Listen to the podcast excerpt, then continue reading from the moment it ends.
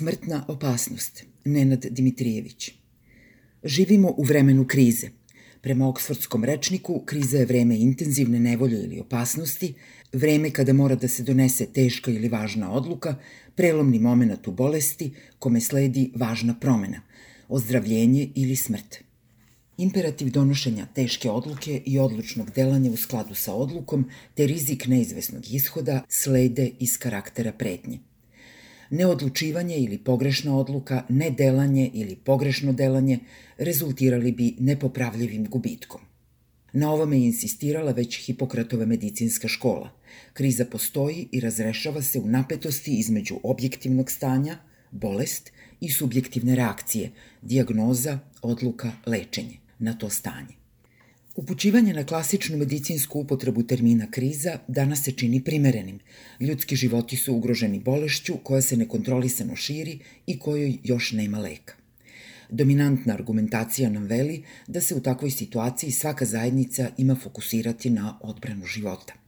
Svaki član zajednice treba da razume da je zaštita života, sobstvenog života i života drugih ljudi apsolutni prioritet. Moramo pokazati solidarnost i odgovornost – Doista, ništa od ovoga ne bi trebalo biti sporno. Evo, vidimo kako i vlast pokazuje odgovornost. Autoritet državne moći udružen je sa autoritetom medicinskog znanja.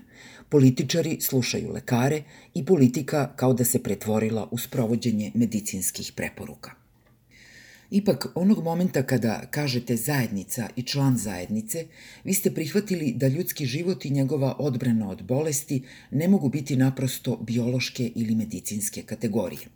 To je pre neki dan u Peščaniku lepo pokazao Viktor Ivančić. Veoma različiti pisci, od Aristotela preko Arendt do Agambena, reći će nam da je goli život zamisliv samo kao ekstremno stanje ljudskih bića izopštenih iz društva i političke zajednice.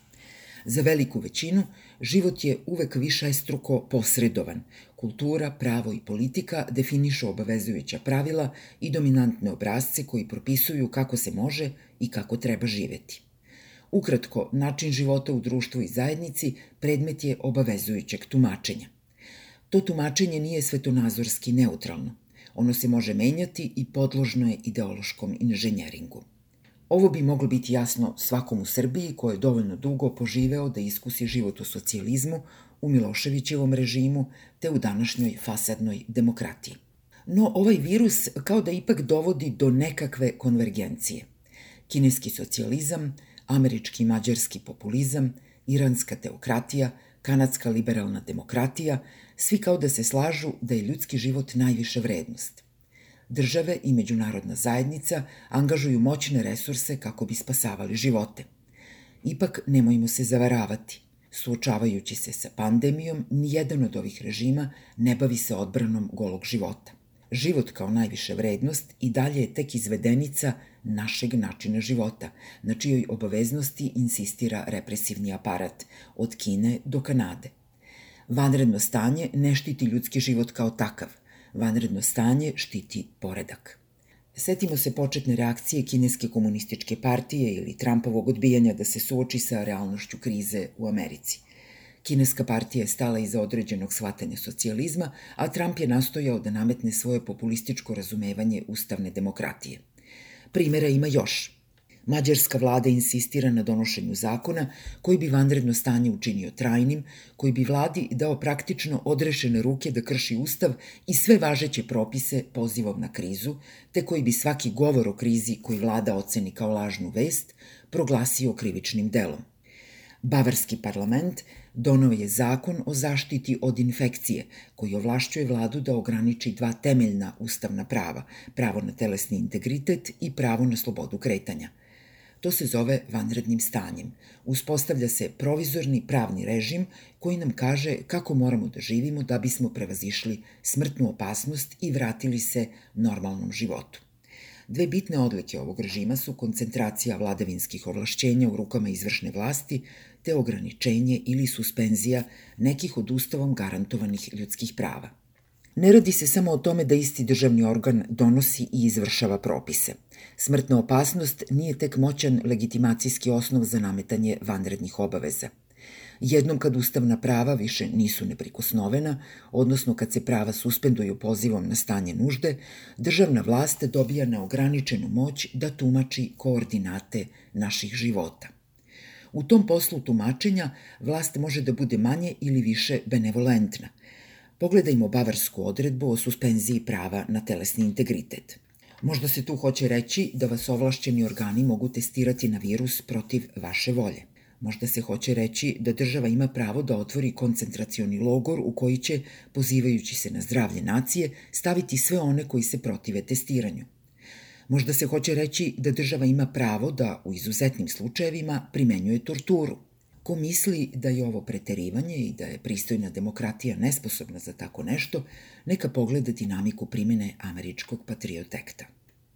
Efikasnost je mantra vanrednog stanja – Argument glasi da su koncentracija moći i suspenzija ljudskih prava neophodni kako bi vlast ostvarila pozitivne rezultate u borbi protiv krize.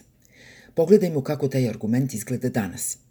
Kritike o neadekvatnoj reakciji na epidemiju svode se na žalopojke o zakasneloj upotrebi represivnih mera – Tu se kaže kako su države bile suviše neodlučne u suspenziji ljudske slobode, da su vlasti na vreme zatvorile granicu, pretvorile gradovi i regione u logore, ograničile osnovna prava, žrtava bi bilo manje.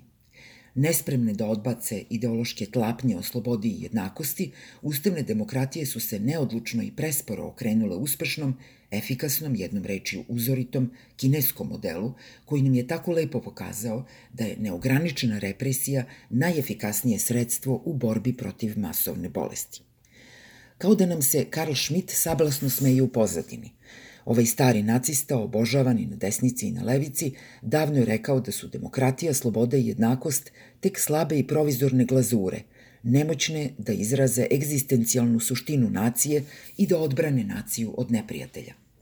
Zato nacija ne potrebuje demokratiju, nego pravno nesputanog suverena koji će voditi iz jednog vanrednog stanja u drugo, identifikujući uvek nove neprijatelje. Kad se epidemija smiri, usred sredit ćemo se opet na kosovske Albance, sve zarad zaštite prava na život.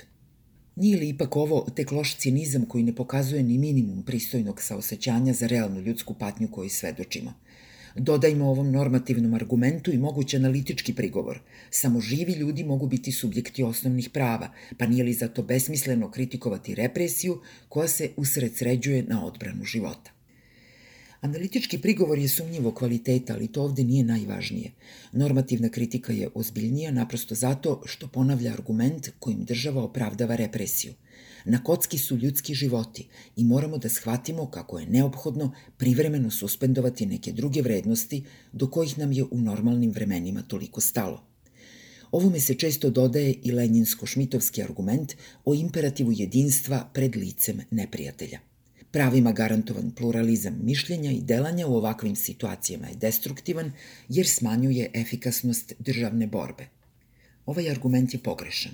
Razlozi za vanredno stanje uvek postoje. Terorizam, rat, zaraze, prirodne katastrofe. Međutim, vlast nema pravo da spasavanje ljudskih života predstavi kao cilj koji opravdava bilo kakvo sredstvo.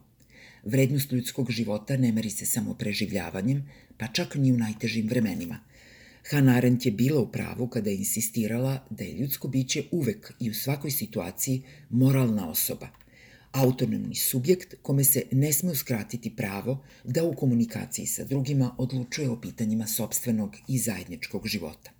Ovako shvaćen ljudski subjektivitet mora se afirmisati i u situaciji u kojoj je ljudsko biće izloženo pogibelji od koje se ne može odbraniti bez pomoći države – Vanredno stanje ne smanjuje broj pitanja i zahteva koje građani imaju pravo da upute državnoj vlasti. Smrtna opasnost ne poništava važnost ljudske slobode, jednakosti i dostojanstva, niti odgovornost vlasti za zaštitu ovih vrednosti. Epidemija ne pretvara ljude u bezličnu masu stvarnih ili potencijalnih žrtava.